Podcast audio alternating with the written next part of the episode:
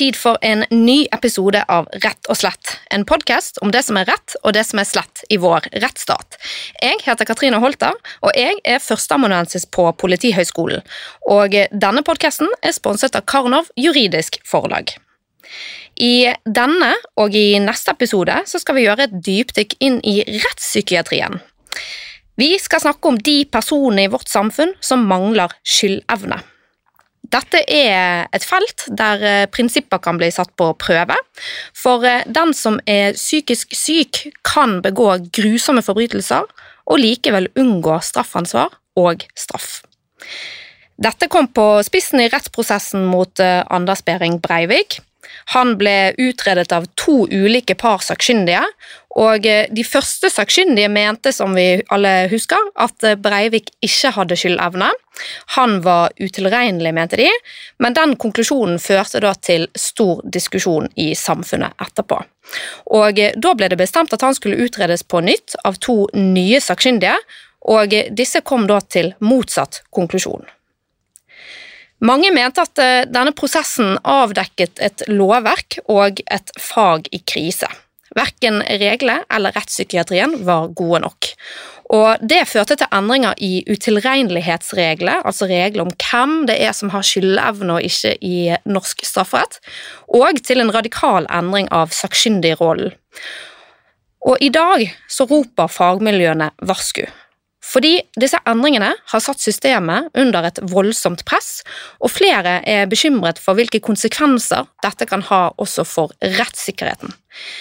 Men eh, dette blir et tema først i neste episode, for i dag så skal vi ta utgangspunkt i en annen sak som har aktualisert spørsmål om psykiske lidelser, og vi starter der. Fordi i fjor høst så var det en eh, antatt psykotisk mann som skjøt tilfeldige ofre med pil og bue i Kongsberg.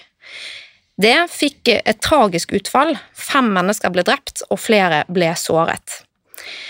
Denne saken omtales gjerne som Kongsberg-drapene, og det er den som blir tema i første del av dagens episode. Eh, Kongsberg-drapene og psykiske lidelser. For å få en liten recap av eh, det som skjedde, så har jeg fått med meg en journalist som har dekket denne saken eh, tett. Og Han skal være med i første del av denne episoden, mens i annen del av episoden så vil forskerne overta manesjen her i studio. Eh, og I annen del vil det da prøve å, prøve å få svar på hvorfor psykiske lidelser kan frata mennesker den strafferettslige skyldevnen. Vi begynner altså med Kongsberg-saken, og journalisten som jeg har med meg i studio, heter Torskjell Tredal. Han dekket eh, Kongsberg-drapene for Aftenposten og har produsert mye god journalistikk om rettspsykiatri og psykisk helsevern. Velkommen til Rett og slett, Torskjell. Takk skal du ha. Kan du eh, ta lytterne rett og slett eh, med igjennom hva det var som skjedde i Kongsberg den 13. oktober i fjor? Ja, det var onsdag 13. oktober i fjor på ettermiddagen, litt etter klokka seks, kanskje rundt 18.10, så gikk da gjerningsmannen Espen Andersen Bråten, som var 37 år da, blitt 38 nå, ut døra si i Kirkegata på Kongsberg. Eh, og han hadde en leilighet da, i første etasje med en liten hage foran og en port, og han gikk ut porten og ut på gata. Og Med seg der så hadde han eh, en pil og bue, eh, flere piler, og det som politiet sier var et stikkvåpen, minst ett stikkvåpen. Vi vet ikke helt hva slags type våpen det var, men politiet har vel etter hvert beslaglagt mange kniver og også et, et, sverd hos han. Og Her er det viktig å presisere at eh, pil og bue faktisk er et ganske Det er rett og slett et drapsvåpen. Det er skikkelig farlig å drive med, og det drives jo med i sport og sånn. Absolutt, og, og, det var jo folk som ble, ble skadd med, med pil og bue. Han gikk jo da rundt hjørnet, opp gata til venstre og kom fram til en, en Coop Extra-butikk eh, i Kongsberg, og, og klokken 18 1812-1813 så kommer, for politiet melding om at han skyter mot folk på butikken med pil og bue. Politiet de, de rykker ut, og de kommer ca. fem minutter senere, klokken 18.18. 18. Da møtes de også av piler, og de velger etter hvert å, å, trekke seg ut eh, og vente på litt mer beskyttelse, sikre en inngang. Det er også en politimann som er av tjeneste, som mange sikkert har lest om, som sikrer en annen utgang. Eh, og de venter der, men det de ikke får med seg, da, er at, er at eh, gjerningsmannen forsvinner ut en nødutgang på siden, siden av butikken. Så da mister de kontrollen på han, og, han fortsetter ned gata, eh, skyter flere piler. Mange husker kanskje et bilde av en pil i en vegg som er tatt på det tidspunktet, eller skutt på det tidspunktet. Han går noen meter ned i gata, legger fra seg pil og bue og en knivslire i en hage. Det er det et vitne som, som har fortalt. Og ender da opp nede i Skyttergata, som er gata mange kjenner igjen, da. Og da er klokka ca. 1820-1821, det vet vi pga. vitnebeskrivelser. Eh, han har forsøkt å ta seg inn i, i leilighet han ikke kom seg inn i. Og det er her, i Hyttegata, som er en gate med trehus og mye sånn eh, gallerier og, og kunst, eh, kunstbutikker, en vakker gate, at han i 20-25 minutter, 23-24 minutter kanskje, um, uten at politiet får tatt han, begår fem drap. da. Og de, de, begår han uten pil og bue, men med, med stikkvåpen. Eh, for det meste innendørs. Det er vel fire, fire åsteder. Eh, to eldre kvinner, en annen kvinne og så, et eldre samboerpar til slutt, hvor han trolig tar seg inn terrassedøra. Um, og så, klokken 18.47, så blir han til slutt pågrepet av politiet i en bakgård uh, i nærheten av samme gate. Og vi vet ikke Politiet har vært veldig sånn sparsomme med opplysningene rundt politiaksjonen i dette tidsrommet, fra han forlot butikken til, til, han blir pågrepet. Så vi vet ikke så mye om bevegelsen her, men, men det er jo i hvert fall der han begår alle de, de fem drapene. Mm. Eh, men psykiatri det har jo kommet inn i bildet i denne saken. Hva, hva var det som var situasjonen rundt psykiatri her? Og jeg kan jo legge til, eh, til da, at det har aldri vært bestridt fra noen av aktørene i denne saken at han var psykotisk, eh, og den konklusjonen har da også kommet nå i ettertid. Mm. Ja, det mange lurte på sånn rett etterpå, var om dette var et terrorangrep, eller om det var, var psykiatri. og Politiets, sikkerhetstjeneste hjalp jo litt, litt, på veien der på starten og, og sa at dette fremsto som en terrorhandling. Eh, så mange var litt på det sporet på starten, men fredag 15. oktober to dager etter så, så, sa lokalpolitiet at det var sykdomsteorien eh, som, som, styrket seg, og så allerede etter under to dager så, så virka det sannsynlig at dette hadde med psykiatri å gjøre. Og, og Bråten ble, ble, satt i gang en, en prejudisiell observasjon av han, og etter hvert så Hva er det for noe? Det er jo en undersøkelse hvor man observerer ham, og, og for å utrede hans psykiske helse, da, helt sånn innledningsvis.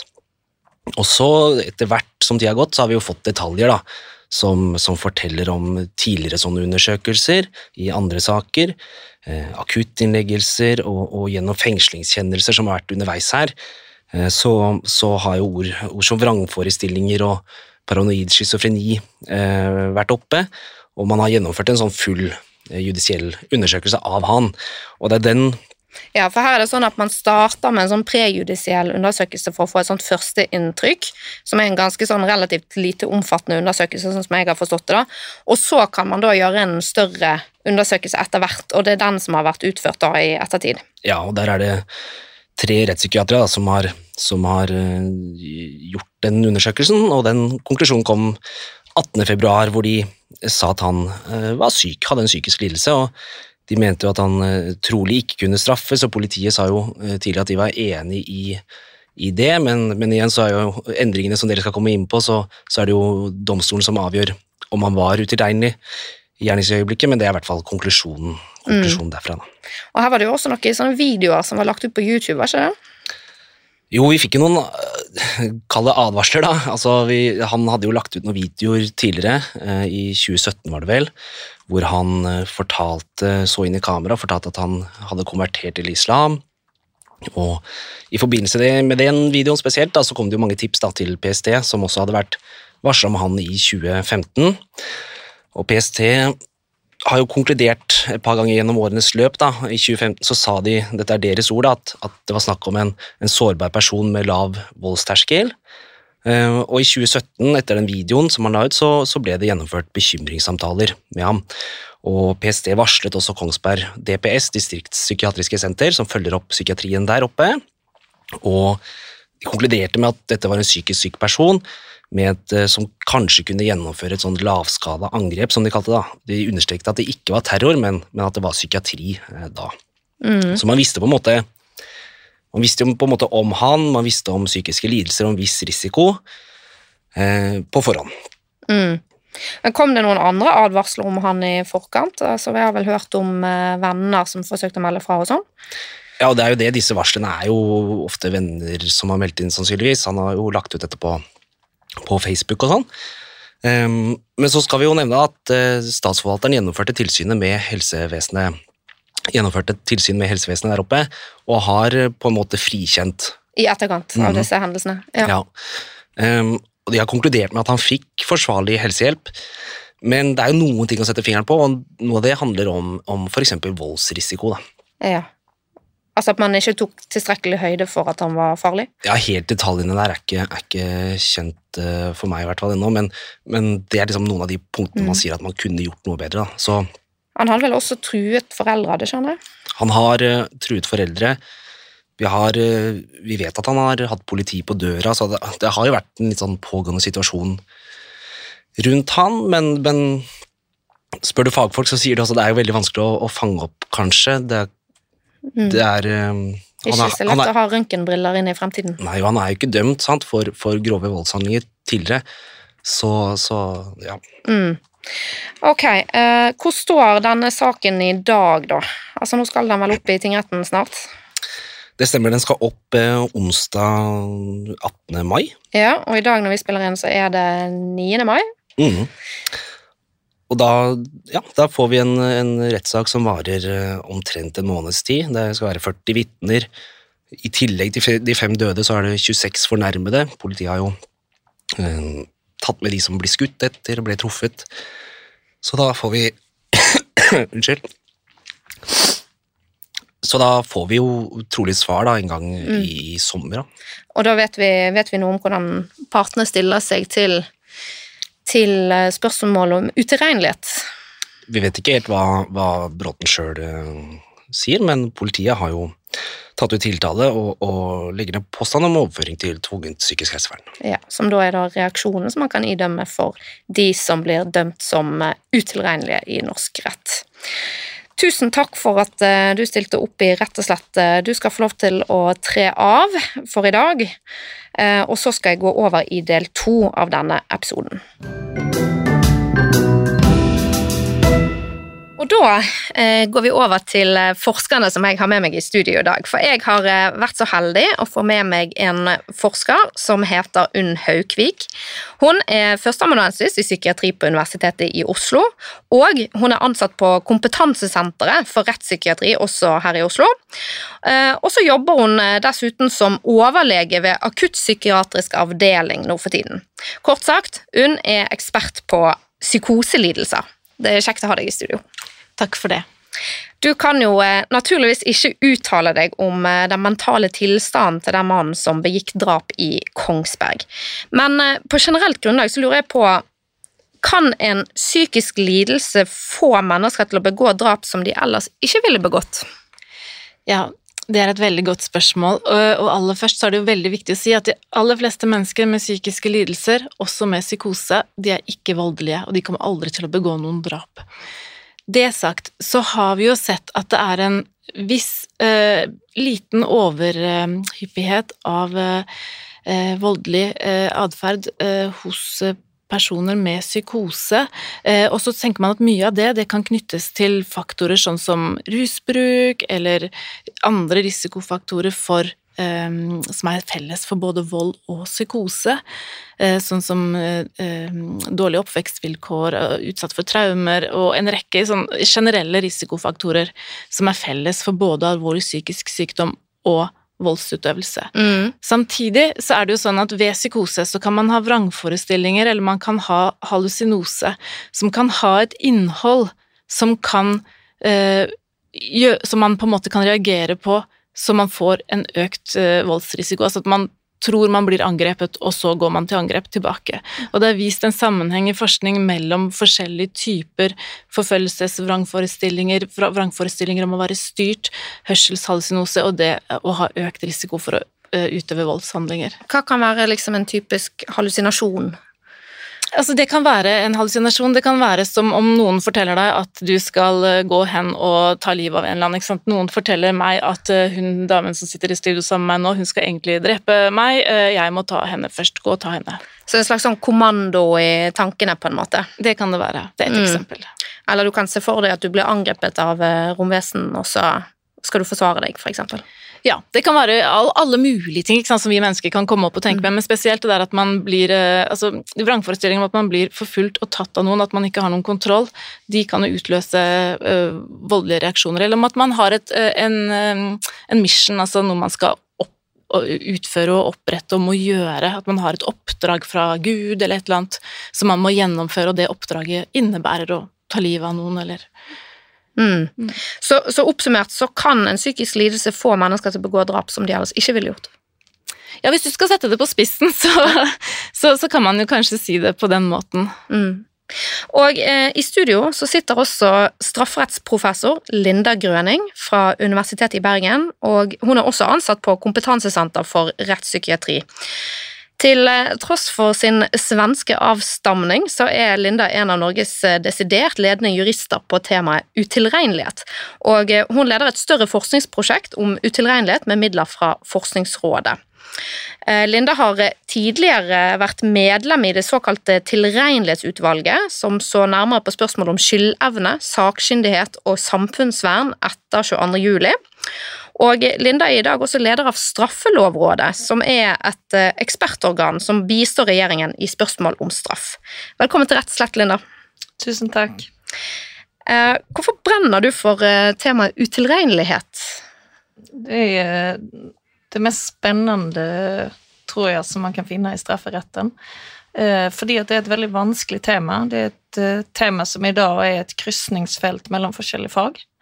Ikke bare juss, men medisin og filosofi og sosiologi og kriminologi og veldig mange fag som må trå til og være sammen for å kunne løse utfordringer vi ser. Så det er et juridisk problem som eh, ikke kan løses gjennom jussen. Og det gjør det veldig spennende. Og så er det jo også et problem som har veldig mange eh, alvorlige konsekvenser, og flere ulike dimensjoner i det, eh, fordi at det handler om hvem vi skal straffe og ikke, og, eh, og hvordan. Og hvordan vi skal tenke om eh, grensen mellom psykisk sykdom og normalitet, og hvordan den skal ha rettslig betydning. Hmm.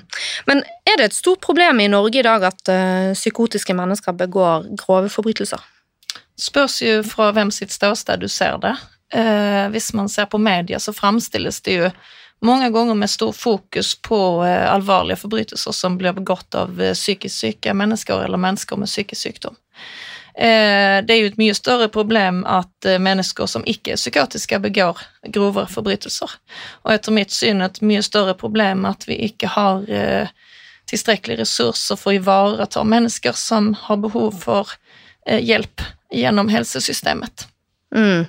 Og siden jeg først har eh, medisinsk kompetanse her i studio, så, så må jeg nesten spørre eh, om du kan forklare for oss hva er egentlig psykiske lidelser? Ja, altså psykiske lidelser det er jo en veldig bred eh, term. Psykiske lidelser det er jo alt fra alvorlige psykoser hvor man er realitetsbristende og knapt klarer å ta vare på seg selv, til eh, sosial fobi hvor man gruer seg til å gå eh, ut og være blant folk, spiseforstyrrelser, ADHD, atferdsforstyrrelse, så psykiske lidelser som sådan er jo et kjempestort eh, felt, hvor man, som Linda sier, eh, man kan snakke om psykiske lidelser, og så kan man snakke om normalitet, men de fleste er vel nå enige om at det er en slags sånn glidende overgang mellom hva som er sykt og hva som er friskt. Det er lett å si hva som er veldig sykt, det er lett å si hva som er veldig friskt, men den overgangen imellom, den kan være mm, flytende. Mm. Og hvilke typer psykiske lidelser er det egentlig som har betydning inni, inni rettspsykiatrien? da? Ja, Det som vi på en måte snakker mest om når vi snakker om utilregnelighet, eh, sånn som vi gjør her, det er jo psykosene. Mm.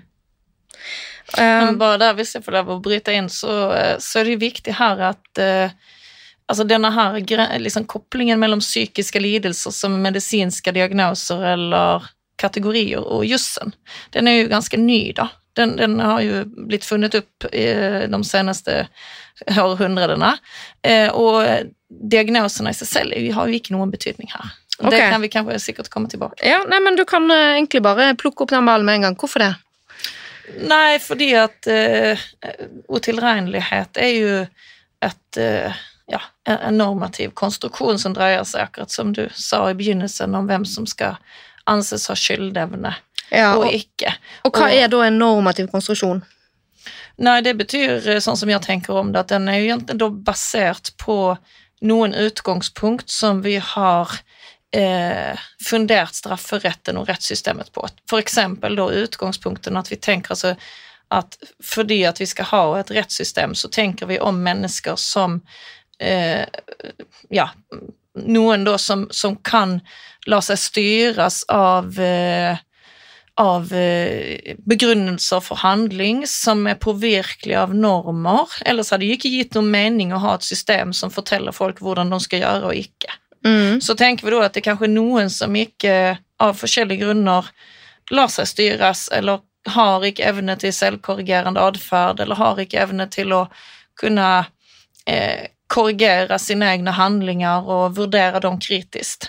Og, så derfor så unntar vi dem fra straffansvar og mener at de ikke har skyldevne. da. Men Mm. hvem det er, altså barn eller om det er mennesker med alvorlig psykisk sykdom, egentlig kan vi si at vi burde ha en utilregnelighetsregel som, ikke, som var åpen for alle, så å si.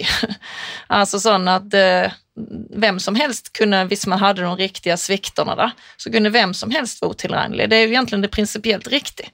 Eh, men det er prosessrettslig vanskelig, fordi at, og særlig i land der, der det er partene som driver dette, så ville det jo kunne bety fort at eh, alle og enhver ville så å si, få en unnskyldning fordi at de var utilregnelige. Og det er jo også problematisk fordi at noen land så vil vi jo gjerne mene at folk er utilregnelige for å kunne sperre dem inne og få dem vekk fra samfunnet, sånn som diktaturer eksempel har gjort historisk. Eh, så derfor så har vi liksom reservert utilregneligheten til noen bestemte tilstander, da. Og Hvilke tilstander er det, da? Ja, det Etter lovverket? da-? Ja, etter lovverket. Nå har man jo da Vi snakket om psykose, sant? Ja, altså, det er jo ikke eh, Altså, man kan egentlig si at det er fire eh, forskjellige tilstander da, som gjør at du kan mangle skyldevne. Mm. Enten er det fordi at du er et barn under en bestemt alder, som i Norge er 15, eller så er det fordi at du har en eh, typisk sett alvorlig psykisk eh, sykdom, eller at du er eh, Og det er der psykosene kommer inn, sant? ja, som, som kjerne Altså, alle land som har utilregnelighetsregler, eh, ser ut å ha konsentrert dem i praksis omkring eh, psykosetilstanden Mm. eh, og psykoselidelser. Og så har du bevissthetsforstyrrelser, eh, og så har, har man eh, eh, psykisk utviklingshemming. Eh, altså intellektuell funksjonsnedsetning. Mm. Og dette går igjen i alle land. Men, eh, men Unn, um, man snakker jo gjerne på film og i dagligspråket om psykopater og sosiopater. Har disse noe betydning for disse utilregnelighetsreglene? Ja, altså um, Psykopater og sosiopater det er noe litt annet igjen. For når vi snakker om psykose, som Linda sier, så er det veldig viktig at det er ikke nødvendigvis knytta til en diagnose, men til en tilstand. ikke sant? Man kan være psykotisk i et øyeblikk, og så kan man senere være ikke-psykotisk. ikke? Så det er en sånn eh, realitetsbrist som man kan ha, over et lengre stykke tid. Når vi snakker om psykopati eller sosiopati, så handler det jo ikke om en sånn realitetsbrist som er på en måte fundamentet for det å være uh, psykotisk, men det handler mer om en manglende evne til å uh, ha empati, til å skjønne hva andre mennesker vil, være mer manipulativ, være, altså ha en del ikke være så veldig grei, da, rett og slett. Og det har ikke eh, Og, der har man på en måte Der er det litt sånn ulike ståsteder. I, i, sånn som vi, vi ser det nå, så er jo ikke det en del av det å være um, Altså, det faller ikke inn under de kriteriene som Linda skisserte uh, i stad, men mye av den nyere forskningen tyder jo på at det er en del eh, hjerneforandringer, at det er en del genetikk, at det er en del ting involvert i psykopati. Altså psykopati og sosiopati er jo ikke etablerte diagnoser heller, det, men det er mer sånn eh, tilstander som man kan ha hele livet, personlighetstrekk pers eh, som ligner på personlighetsforstyrrelser, eh, som man i dag ikke eh, på en måte faller inn under de utilregnelighetsreglene som vi har. Mm. Ja, for det, på film så blir jo gjerne psykopaten fremstilt med en sånn spaltet personlighet, der de plutselig bytter mellom to helt ulike personlighetstyper, ikke sant? Eh, men eh, finnes dette i virkeligheten? Nei, eh, ja, eller den der splitte mellom to personlighetsforstyrrelser, det er jo også en sånn litt sånn omstridt diagnose som heter spaltet personlighet, eller Så det er faktisk en reell ting. Eh, Jeg har aldri sett det, men det, det sies at det fins, og det fins ofte på film. Det gjør seg jo godt på film, og det er nok eh, eh, Det, det fins i diagnosesystemet vårt, men det er sjeldent. Men, men det som psykopater kan gjøre, at de kan oppfattes som at de har liksom ulike tilstander eller eh, ulik fremtredning, det er at eh, de kan på en måte være manipulerende. De smarte kan være manipulerende og eh, overbevisende og, og greie eh, i én setting, og så plutselig så kan de på en måte miste dette og vise sitt sanne jeg, i anførselstegn. Mm. Eh, og det kan man jo se på film. Men Linda, disse um, psykopatene, altså hvordan ser jussen på de? Blir de unnskyldt for noe? Kan de noe for hvordan de er? Har de ansvarsevne? Altså dette, igjen så er vi da tilbake til spørsmålet først. Eh, vad, är, vad är jussens definisjon av utilregnelighet? Hvilke svikter er det jussen bryr seg om? I norsk eh, strafferett så har man ju uttryckligt sagt nu i lovförarbetena at personer med eh, alltså dyssosiale personlighetsforstyrrelser, eh, også da tidligere omtalt som eh, de med psykopati skal falle utenfor og vil ikke gå, kunne falle innenfor eller kunne anses utilregnelige. Mm. Det er Så jo det, det, er ikke samme. mangle empati som, eh, som Nei, men- blir vektlagt, men, men virkelighetsbristen. Ikke sant? Ja, og så generelt så handler det litt sånn som Unn sier, at eh, dette er jo en diskusjon i forskningen at, eh, at veldig dårlig funger... Altså personer altså Hvis vi skal si det litt enkelt, veldig, de med psykopati som er veldig, veldig dårlig fungerende, Mm. der kan det jo drøftes om den så sier si, det vi kan omtale som empatisvikten kan gjøre at man i det hele tatt ikke får øye på en moralsk konflikt. Og det er jo da er vi rett inn i kjernen av eh, hva klander og skyldevne og straffansvar dreier seg om. Og i mange i diskusjonene er det jo alt flere som tar til orde for at eh, ja, de med personlighetsforstyrrelser som er veldig veldig dårlig fungerende, burde også ha blitt inkludert. Men vi ser jo at det er veldig få land eh, som eh, omfatter de med psykopati eller personlighetsforstyrrelser, men noen land gjør det. Mm. Eh, hvis jeg ikke husker feil, så Italia eksempel har en utilregnelighetsregel som muliggjør at også personer med såkalt psykopati kan falle innenfor. Men hvis vi skal dra et litt sånn strafferettsfilosofisk resonnement her, da. Eh, kan du forklare, Linda, hvorfor eh, rettssystemet ut ifra et sånt perspektiv ikke vil straffe de som mangler skyldevne? Tja, eh, altså eh, Der har du egentlig allerede besvart spørsmålet selv, da. Fordi at eh, hvis du ikke har skyldevne, så har du jo ikke da eh, evnen eller kapasiteten til å være skyldig. Mm. Og vi straffer jo bare dem som er skyldige. En sirkulær Eh, problemstilling. Eh, men hvis, hvis vi skal forklare liksom hvorfor det, og hvordan tenker man, Mm. så kan vi si at eh, sånn litt enkelt så er jo strafferettssystemet fundert på et prinsipp om at eh, vi straffer bare de som kunne noe for sin handling, hvis vi kan si det litt enkelt. Eh, så, så hvis eh, du får et lynnedslag i bilen mens du kjører, og derfor kjører på noen, så, så straffer vi deg ikke. Eh, og på samme måte da, så gir det for de fleste mening at vi ikke straffer fireåringen som slår. Eh, så, så det er jo liksom det det dreier seg om, og, så, og da har man da tenkt at hvis det er noen som er så på grunn av en psykisk sykdom som man ikke kan noe for, så er man i en tilstand som gjør at man f.eks. da mangler evnen helt til selvkorrigerende atferd.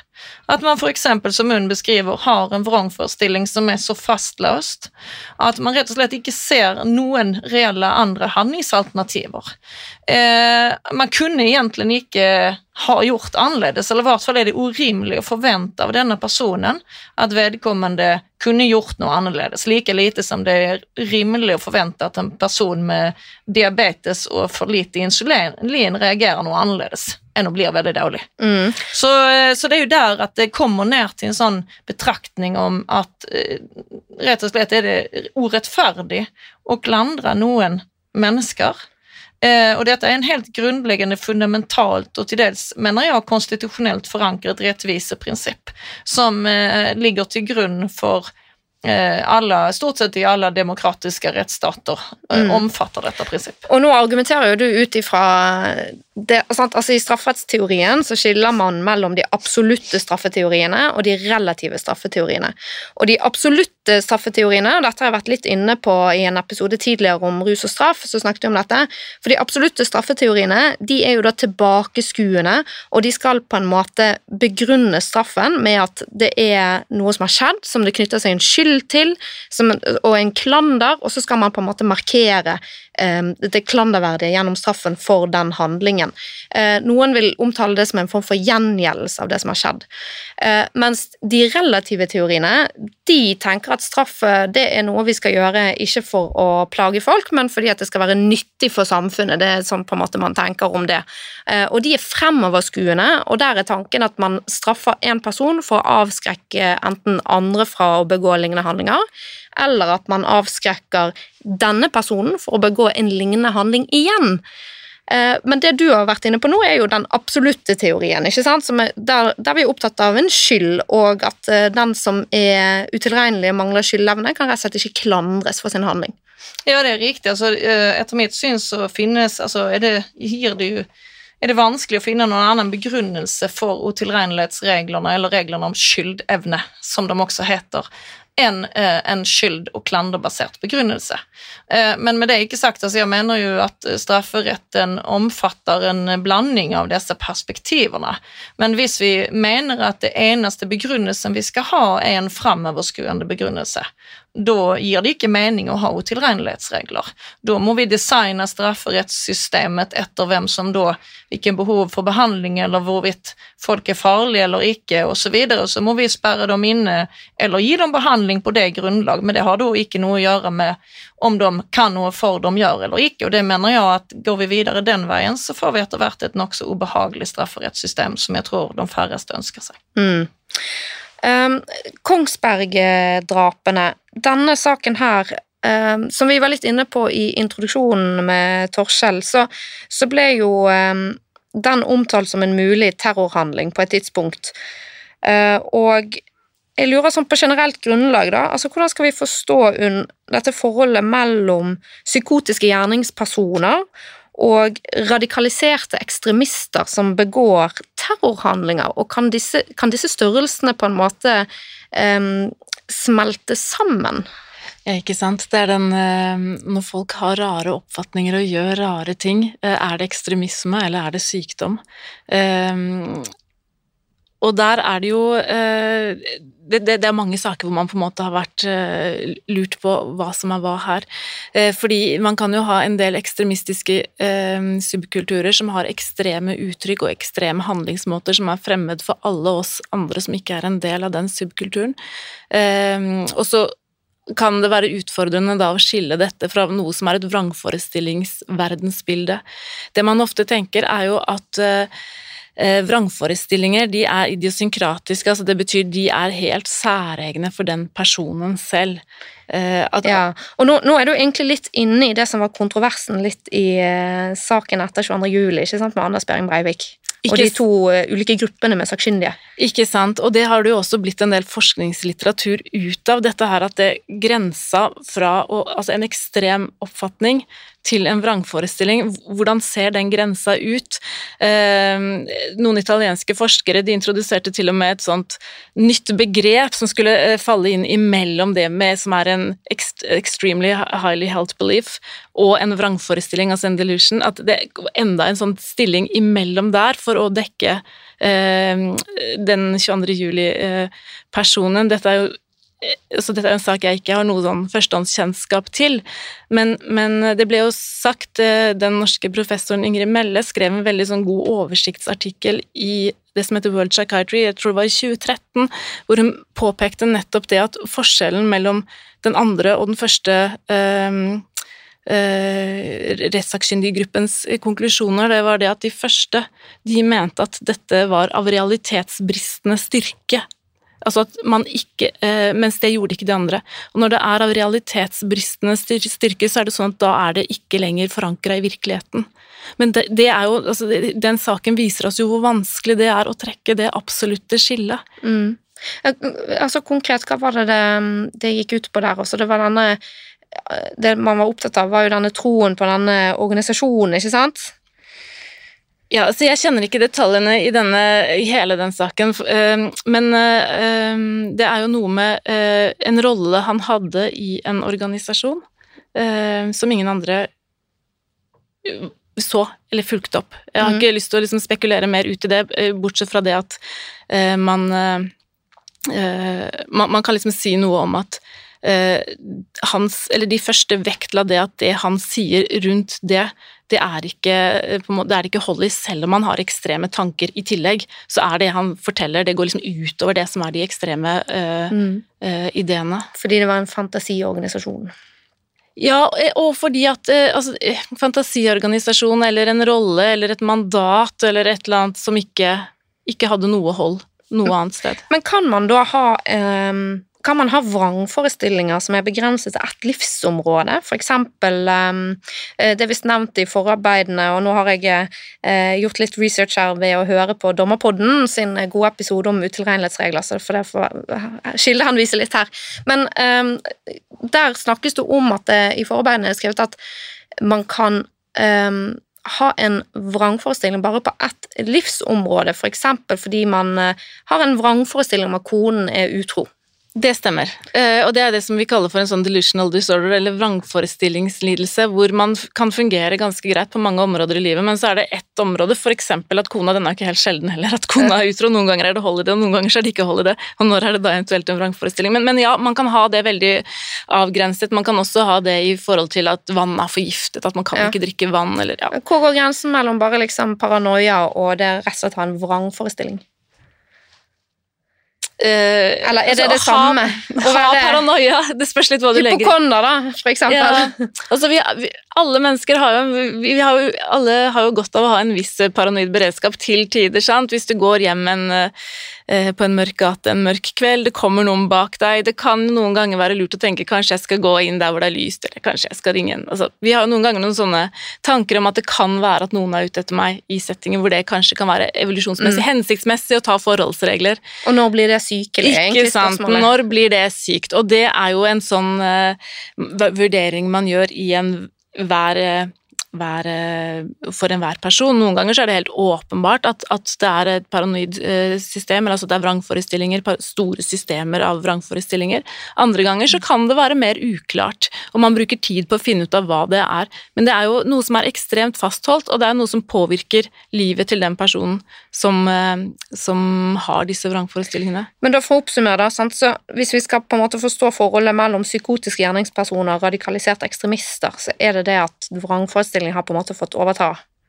Ja, og at radikaliserte ekstremismer, de, eh, ekstremister, dette er jeg jo ikke noe ekspert på, men de er jo på en måte en gruppe som har liksom sin felles oppfatning av hvordan ting skal være og hva de skal gjøre. Det er ikke noe de på en måte finner på selv, eller som oppstår i deres hode. Mens, mens en eh, vrangforestilt person eh, kan godt være en del av en ekstremistisk gruppe, men så, så, antar de forestillingene helt sånn særegne, eller idiosynkratiske, som vi kaller det, eh, dimensjoner. At det blir noe helt særegent som ikke ligner på det som resten av gruppa egentlig diskuterer. Mm. Og Linda, altså Kongsberg-saken som jeg nevnte, her, her, var jo det et spørsmål om det kunne være en terrorhandling, og da var det flere etterpå som lurte på om det er mulig å ha en terrorhensikt, fordi at en terrorhandling den er jo nettopp definert og preget av at det skal være en terrorhensikt. Man skal ha en hensikt om å, å, å gjøre noe som skaper en alvorlig frykt i en befolkning, f.eks. Og så finnes det flere alternativer for hva loven definerer som en terrorhandling, da, det, eller en terrorhensikt, men det er på en måte det mest sentrale. Uh, og kan en som er psykotisk, ha en terrorhensikt? Dette er jo vanskelige spørsmål, for det krever jo definisjoner av både hva det er å være psykotisk, og hva det er å ha en terrorhensikt, som i sin tur krever noen definisjoner av hva terrorisme er for noe, og terror er for noe, osv. Men sånn forenklet litt, så skal jeg si at ja, altså mennesker kan jo typisk sett være komplekse. Det er mulig å uh, være både veldig, veldig syk og terrorist. Eh, det er i hvert fall prinsipielt så gjelder jo tilregnelighetsregelen eh, likt for alle, og uavhengig av hvor alvorlig forbrytelse det er snakk om. Så sånn prinsipielt så betyr jo det at eh, du kan finnes utilregnelig også i en terrorsak. Så er dette et spørsmål hvilket narrativ så å hvilken fortolkning skal vinne i rettssaken, fordi det er jo usikkert hvordan vi skal forstå disse fenomenene. Og her ser vi jo internasjonalt at det er ikke veldig mange saker der utilregnelighet har blitt vurdert i terrorsaker der utfallet er frifinnelse. Eh, det betyr, trenger jo ikke si, eh, bety noe. Det finnes noen saker, men de er veldig få. Eh, vi ser det også i Norge, at når det er den typen lovbrudd, så ser det ut som at utfallet ofte blir at personen anses tilregnelig og dømmes typisk sett for, til forvaringsstraff. Mm. men det kan jo være tilfeldigheter. Vi har jo altfor lite grunnlag for å si noe om sammenhengene her. Mm. Jeg har jo eh, selv forsket en del på hensiktsbegrep i strafferetten, eh, og eh, jobbet da tverrfaglig opp mot eh, filosofi og språkfilosofien og hva som ligger i dette begrepet. Og eh, hvis jeg skal på en måte gi noen betraktninger fra, fra, mitt ståsted som ikke har noen ting med medisin å gjøre, da, sånn, så er jo hensikt er jo Det er jo på en måte individet prim, sin primære mening med det de gjør, altså det meningsinnholdet i handlingen satt fra individet sitt ståsted. Um, og uh, hensikter handler på en måte om, om å gjøre ting som, som midler til et mål. Altså det, det, er en rasjonalitet der du gjør noe som et middel for å oppnå noe annet. Og det handler om på en måte handlingsgrunner. ikke sant? Og så tenker jeg at, at, hvis denne personen er psykotisk, og dette, er, dette, har ikke jeg skrevet noe om, så det blir veldig sånn tentativt, da, men så tenker jeg at det kan være naturlig å tenke at den hensikten kan jo eksistere, du kan jo fremdeles, selv om du er psykotisk, evne å tenke i midler og mål, men den hensikten blir jo på en måte får jo en mye mindre kvalitet som en hensikt, en mye mindre tydelighet jo sterkere en sånn psykosesykdom eh, kommer inn og ligger bak, eh, fordi at, eh, fordi at da vil det være årsakssammenheng istedenfor midler og mål, altså rasjonalitet, så vil årsakssammenheng komme inn og pushe mer inn i den handlingen, være mer styrende for det som skjer, og det reduserer jo da også gjerningspersonens evne til eh, å, være, å, bære skyld da, for den eh, terrorhensikten, ikke sant? fordi at årsaksbildet på en måte gjennom sykdommen som fremkaller dette, blir så sterkt at det reduserer rasjonaliteten. Ja, dette er veldig sånn kompliserte filosofiske diskusjoner, tenker jeg, men, men eh, men, men sånn så, så, er det jo helt klart sånn at eh, også en, en, person som er psykotisk, og som har uh, for den saks skyld uh, veldig sterke symptomer, kan jo både, som du sier, ønske å altså planlegge og prøve å realisere, som for eksempel, som hun var inne på tidligere, at hvis noen har vrangforestillinger om at man er forfulgt, for eksempel, så gir det jo mening at man begynner å da eh, planlegge hvordan man kan sikre seg for å ikke bli drept av mm. som forfølger en, og kanskje gjør ting for å Og, og det tenker jeg er at den, det spørs igjen hvordan man mener med tingene, og, og dette med årsakssammenheng er jo også komplisert, det vet vi egentlig fint lite om.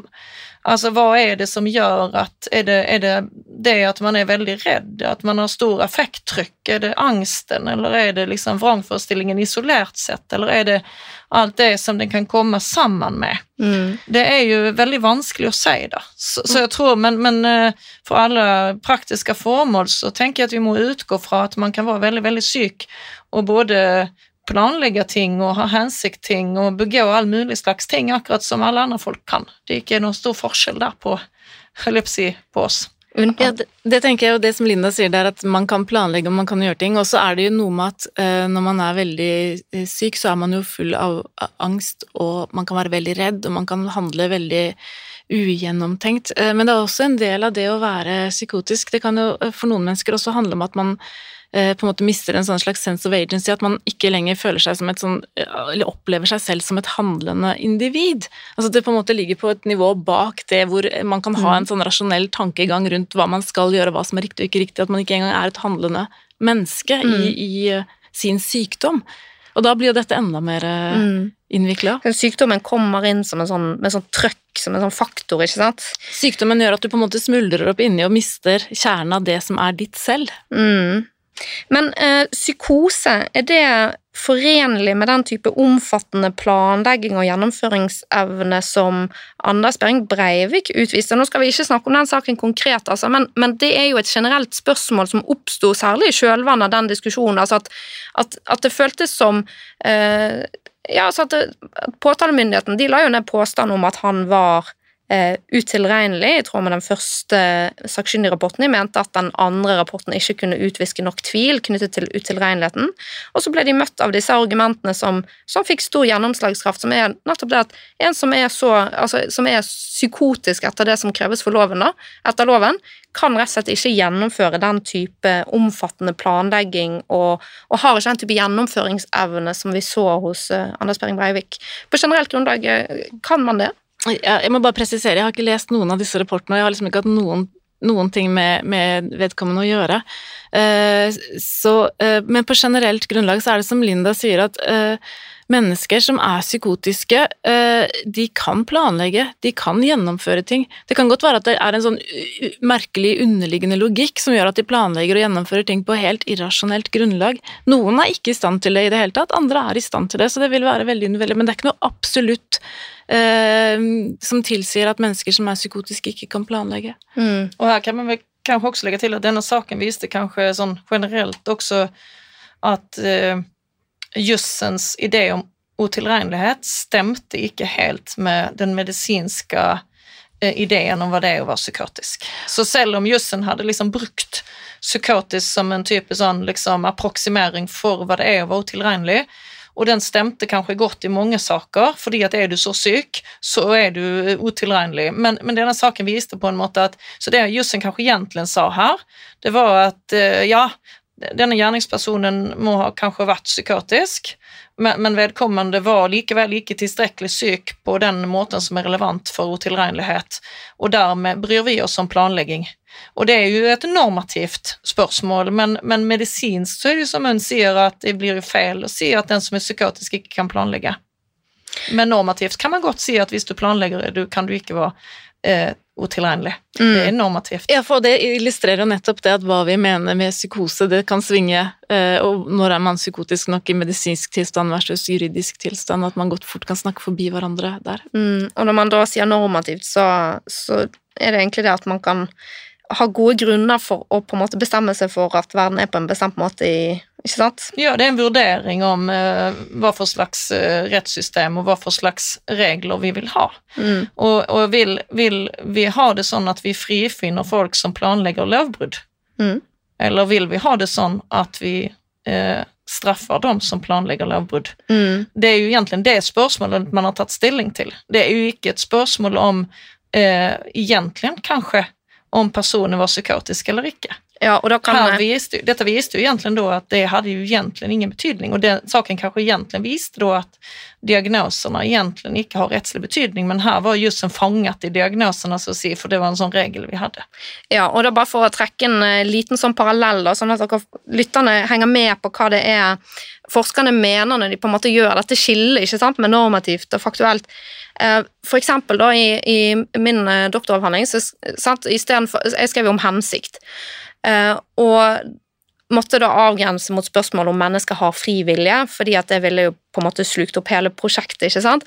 Så da setter jeg inn en fotnote, og så, og så løser jeg det på den måten at jeg sier at um, ok, spørsmålet om mennesker har fri vilje er stort og komplekst, og, og, det kan jeg vanskelig ta stilling til her og nå, men det er uansett sånn at vi normativt sett i strafferetten legger til grunn at mennesker har fri vilje, det, og, det, og det da mener jeg at vi har gode grunner i strafferetten til å forholde oss som om mennesket har fri vilje, og så på en måte kjøper du deg fri fra å måtte ta stilling til det faktiske. Da.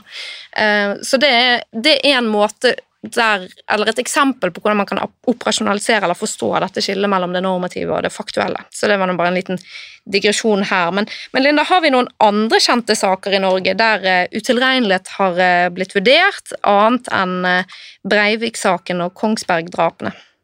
Ja, her er det jo viktig å huske på at de aller fleste saker er jo eh, ikke alt så alvorlige som, som Breivik-saken. Eh, og de aller fleste sakene endrer jo også i tingrettene.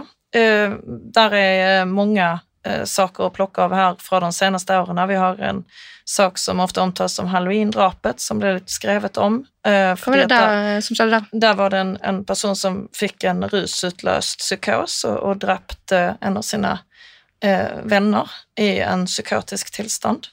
Eh, og så er det en sak som ofte blir omtalt som Vollen-drapet, eh, som der eh, utilregnelig også blir vurdert. Der var det en veldig ung gjerningsperson, kun litt over 15 år. Som, eh, som, så er over den eh, kriminelle lavalder, da, men akkurat, likevel bare så vidt. kriminelle lavalder, og som eh, da eh, drepte en person innenfor på en barnevernsinstitusjon, hvis jeg ikke husker feil, og som ble funnet tilregnelig etter hvert. Så her har vi mange saker, og de spenner jo over både da forskjellige typer lovbrudd, gjerningspersoner i forskjellig alder, av forskjellig kjønn, og eh, så er det gjerne de mest alvorlige sakene som blir synlige for media. Mm. Og så finnes det eksempler på saker fra utlandet der eh, en person som har vært ja, gjerne lovlydig og frisk og rask hele sitt liv, plutselig begår forferdelige og det som fremstår som helt umotiverte forbrytelser, og som sjokkerer nærstående. Eh, og det har vel vært en sak med, med, skyting, blant annet. Eh, og det som har vist seg i ettertid, hvis, har, hvis denne gjerningspersonen da har eh, blitt drept sjøl, f.eks. av politiet, det skjedde vel i den amerikanske saken, så har de blitt obdusert, og så har man funnet ut at de har en svulst i hjernen. Linda, kjenner du til disse sakene? Ja, det er, er, noen av dem ikke så veldig vanlig, men men eh, da, hvis jeg ikke husker feil, så var det også noen, en sånn sak i, i, Sverige for noen år siden. Eh, ja, disse sakene gir jo så det, Dette viser jo virkelig relasjonen mellom det medisinske og det juridiske. Sånn medisinsk sett og sånt, så er det ofte van, van, eh, veldig enkelt for folk å tenke at her var det noe feil i hjernen. Eh, personen hadde en svulst her og endret seg og fikk en helt annen atferd. Eh, og kanskje gjorde da ting som eh, kanskje ble plutselig veldig stygg med sine folk rundt seg, eller begynte å interessere seg for pornografisk materiale eller andre ting som vedkommende ikke hadde gjort før. Og så fikk man da vite at det var denne svulsten. Så er da spørsmålet ja, men hva betyr det, da? For det er ikke sikkert bare fordi at noen har en svulst i hjernen, så er det ikke sikkert at vedkommende har de svikter, eller hvis vi skal si det litt enkelt, er syk nok for å være utilregnelig. Så grunn, grunnen for at du er tilstrekkelig syk, og på en, en strafferettslig relevant måte, det kan være masse forskjellige ting. Det er ikke noen forskjell her om du har en svulst i hjernen, eller om du er psykotisk, eller om du eh, har en annen eh, diagnos eller kanskje demens. en infeksjonssykdom eller demens eller hva det måtte være. Eh, så lenge resultatet av sykdommen eller hjernesvulsten blir at du får en påvirkning, da særlig på evnen til å forstå virkeligheten, eller at du blir så svekket i din kognitive eller mentale funksjon, altså rett og slett tenkingen blir så påvirket, at du ikke da, det er rimelig eller rettferdig å tenke at du kunne noe for det du gjorde. Så denne personen med hjernesvulst må jo ha vært hvor atferd endret som helst, men hvis vedkommende ikke var syk nok, så er det ikke noe mer rettferdig å frifinne eller straffe vedkommende enn en annen person som av andre grunner. Så dette viser veldig, liksom, hva skal jeg si, at eh, det er enkelt, et veldig enkelt eksempel å forstå at her var det noe feil, og det var ikke hans skyld. Eh, og, og, sånn sett så er det jo akkurat sånn vi må tenke om psykosetilstandene. Det, mm. det var ikke denne personen sin skyld. Eh, og spørsmålet er da var personen så syk eller så forstyrret når vedkommende begikk handlingene, så det ikke er rettferdig å klandre vedkommende, eller, så, så må vi falle ned på å frifinne personen. Ja, jeg synes akkurat den uh, saken, Det er i hvert fall en sak som jeg tenker på, som er en, uh, en lærer eller noe i USA som fikk en hjernesvulst som vokste i det som vi kaller for orbitofrontal cortex, som er liksom den delen hvor du på en måte hva skal man si, Hvor psykopatdelen av deg sitter, eller hvor den delen av deg som er et medfølende og empatisk menneske, sitter. Som når den svulsten da begynte å vokse, han begynte å endre atferd og eh, vel forgrep seg på noen, jeg husker ikke detaljene, på noen yngre, yngre barn. Eh, så ble tumoren fjernet, eh, og han ble normal igjen. Og så begynte han å endre atferd igjen, og, så, og, da kunne man se på MR-bilder at da begynte svulsten å vokse igjen. Jeg tenker Det utfordrer jo litt eh, det som vi hadde oppe i stad også, ikke sant? med at ja, men hvis du er psykopat, da er du slik som rettssystemet vårt er ikke Du faller ikke inn under de utilregnelighetsreglene våre, for vi har definert det utenfor. Eh, og disse som, disse, men, men, når det kommer en klart medisinsk tilstand som på en måte vokser i de samme banene som vi tenker er forstyrra eh, ved psykopati, så får vi på en måte utfordra det, og når liksom krysser du den grensen tilbake igjen når den blir tatt bort, og så vokser igjen? Jeg syns mm. det, det, er veldig illustrerende, de casene. Mm. Men uh, hvem er det som uh, Hva er risikofaktorene for å bli psykotisk? Hvem er det som blir psykotisk?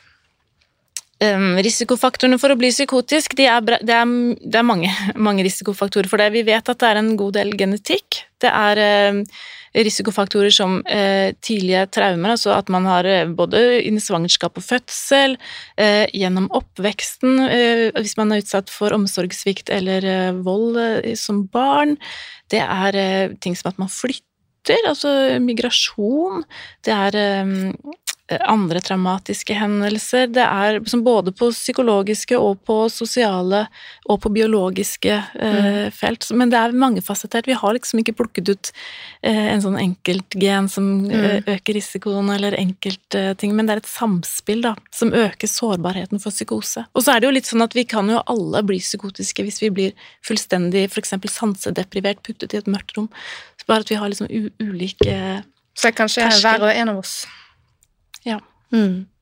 Vi nærmer oss eh, slutten av denne episoden, men eh, Kongsberg-drapene den aktualiserte jo også en debatt om eh, tvangshjemler i psykiatrien er gode nok. Og da er vi egentlig utenfor spørsmålet om Altså utenfor straffesporet, fordi at man har også et hva skal vi kalle et sivilrettslig spor, et forvaltningsrettslig spor, der personer kan bli tvangsinnlagt hvis de er er veldig syke og farlige. Og rettspsykiater Randi Rosenquist hun har vært med i eh, Rett og slett eh, i denne podkasten, i episode to, eh, og, og, tok til orde for der at terskelen for tvangsinnleggelse er for høy i dag.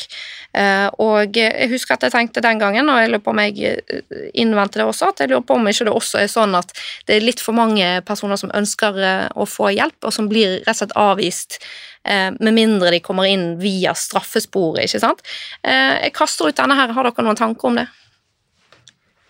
Ja, eh, altså dette er jo Jeg skal ikke eh, ta stilling til hvorvidt terskelen er for lav eller høy. Nei, og det skal jo utredes nå også, men, eh, for så vidt. Men derimot så er det jo til ettertanke at eh, hvis man ser på nedbyggingen av psykiatrien og forebygging som kan skje innan noen begår brott, nedbygging av antall sengeplatser och annat, så, så eh, ser det ju ut som att i takt man bygger rätt och slett upp strafferättslig kontroll i samma takt som man bygger ned det civilrättsliga systemet. Sånn at det er jo eh, ser jo ut snart at det er sånn at det, den sikreste måten å, hvis man skal si det, sette det på spissen og, å komme til psykiatrisk behandling er å begå et lovbrudd, for da kan man få dom på særreaksjon. Ja. Og det er jo ikke sånn, så, så, jeg tenker at det er jo klart at her må man se på disse Altså man må se eh, dette eh, altså Det som skjer i strafferetten, må ses i sammenheng med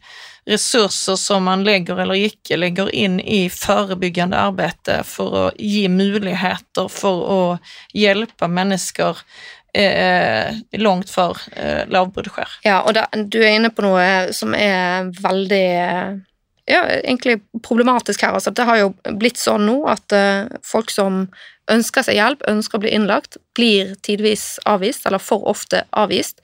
Og da er det jo egentlig blitt sånn at hvis de er dømt for en straffbar handling, uh, så vil det å bli få denne særreaksjonen. sant? Altså for Hvis du blir dømt for en straffbar handling, men ikke har skyldevne, du er for syk til å bære skyld, så kan domstolen da ta stilling til om du skal bare frifinnes og slippe deg, eller om du skal da dømmes til eh, tvunget psykisk eh, helsevern.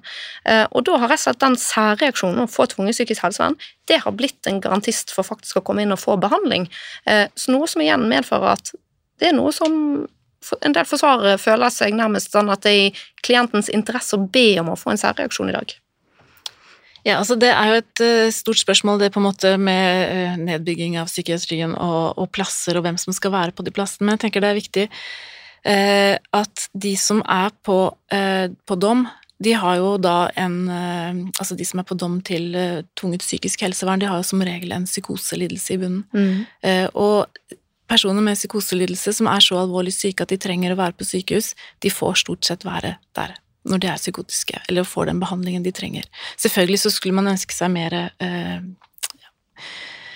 eh, at alle som kunne få behandling, eh, ønsket seg behandling, eh, kunne få behandling, men man ser jo også at dette er en gruppe som ofte ikke ønsker seg behandling, og da faller de utenfor sant, så snart de er samtykkekompetente til å si nei til tvunget behandling. Mm. Det, men, men, det som du vel sikter til, er jo at når man har få plasser, i en sikkerhetsavdeling f.eks., og du har et stort andel personer på dom som må være der, så blir det færre plasser igjen til de som kanskje hadde trengt og hatt godt av å være der. Fordi de som er på dom, må være der et visst stykke tid. Og når jeg jobbet som advokatformektig, så hadde jeg, en, så hadde jeg klienter som tryglet om å få hjelp i psykiatrien, men som ble avvist, og som senere viste seg å være psykotisk. Mm. Ok, um, vi har nå kommet frem til uh, den avsluttende spalten i Rett og slett. Uh, og da vil jeg be dere om å fremheve noe som dere tenker er rett eller slett i vår rettsstat. Og da, Linda, kan du få ordet først. Ja, da velger jeg slett, da. Og da må jeg helt konkret si at, at vi i Norge velger å, å dømme barn til forvaringsstraff på tidsubestemt tid. Det syns jeg må vi slutte med. Hva er en forvaringsstraff? Ja, en forvaringsstraff er da en, en tids... Altså en, en, risikobasert, kan du si, fengselsstraff som dømmes hvis du anses tilregnelig, og samtidig, hvis vi skal si det enkelt, anses farlig, eller var tilbøyelig til å begå nye alvorlige straffbare handlinger. Og bare sånn for å presisere definisjonene med barn, avser jeg nå etter Barnekonvensjonen barn som er altså personer under 18 år. Over 15, så det betyr, mellom 18 ja, så, så dette er da gruppen mellom 15 og 18 år, og her har vi jo en klart et, et punkt der Norge per dags dato agerer i strid med absolutte anbefalinger fra, ja. i tråd med Barnekonvensjonen, og ikke idømme barn tidsubestemte fengselsstraffer. Og da kan du i teorien da, sitte på en livstidsstraff hvis du er farlig nok til at de holder på deg, men du skal ja. få dette prøvd av hvert ja. tredje år. Ja, och sen till saken här så att dessa är ju typiskt sett då kanske över kriminell lavålder och eh, blir, sitter då i ungdomsenheter med god faglig uppföljning tills de blir 18. Mm. Och då överförs man in i vanlig fängsel. Och då, det är också ett, där är också utfordringer i den uppföljningen där. Så, så eh, här tänker jag att eh, man bør imøtekomme barns rettigheter og, og særlig vern bedre. enn det. Er det mange barn som har blitt dømt til forhold? Nei, det er ikke Det, det er jo også en meget streng eh, regel vi har for å kunne gjøre det. Eh, men eh, den, siden 2017 så har eh, litt over en håndfull barn blitt idømt forvaring, og, og, flere har blitt vurdert for det. Så ser det ut kanskje som at det er noen Eller det er kanskje bare min positive tolkning, men jeg har sett noen tegn til endring av kurs her. Det håper jeg vil skje. Mm, takk. takk. Unn? Ja, jeg jobber jo i en del av helsevesenet som er eh, kanskje mer eh, rettslig regulert, i hvert fall på daglig basis, enn eh, resten av helsevesenet. Og jeg tenker jo at det er en rett ting at vi som jobber i psykiatrien og behandler mennesker på tvang, da, mot deres vilje, at det fins systemer og med kontrollkommisjoner og muligheter for klageinstanser, at det er på en måte satt i system, og at pasientene kan få lov til å presentere sin sak for andre enn vi som har den daglige behandlingen av de. At vi, har, at vi ivaretar pasientenes rettssikkerhet um, når de er uh, i behandling uh, for alvorlige psykiske lidelser og ikke er samtykkekompetente. Mm. Det er jeg enig i at er en veldig fin ting og en rett ting i vår rettsstat. Det var eh, det jeg hadde for i dag. Takk til eh, mine gjester som har stilt opp her i studio i dag fra Politihøgskolen. Og eh, takk til dere der hjemme som har lyttet på oss. I neste uke av Rett og slett så er jeg tilbake med en ny episode om utilregnelighet. Og da vil jeg finne ut av hvorfor fagmiljøene roper varsku om rettssikkerheten til personer som ikke har skyldevne, og om presset mot helsesystemet.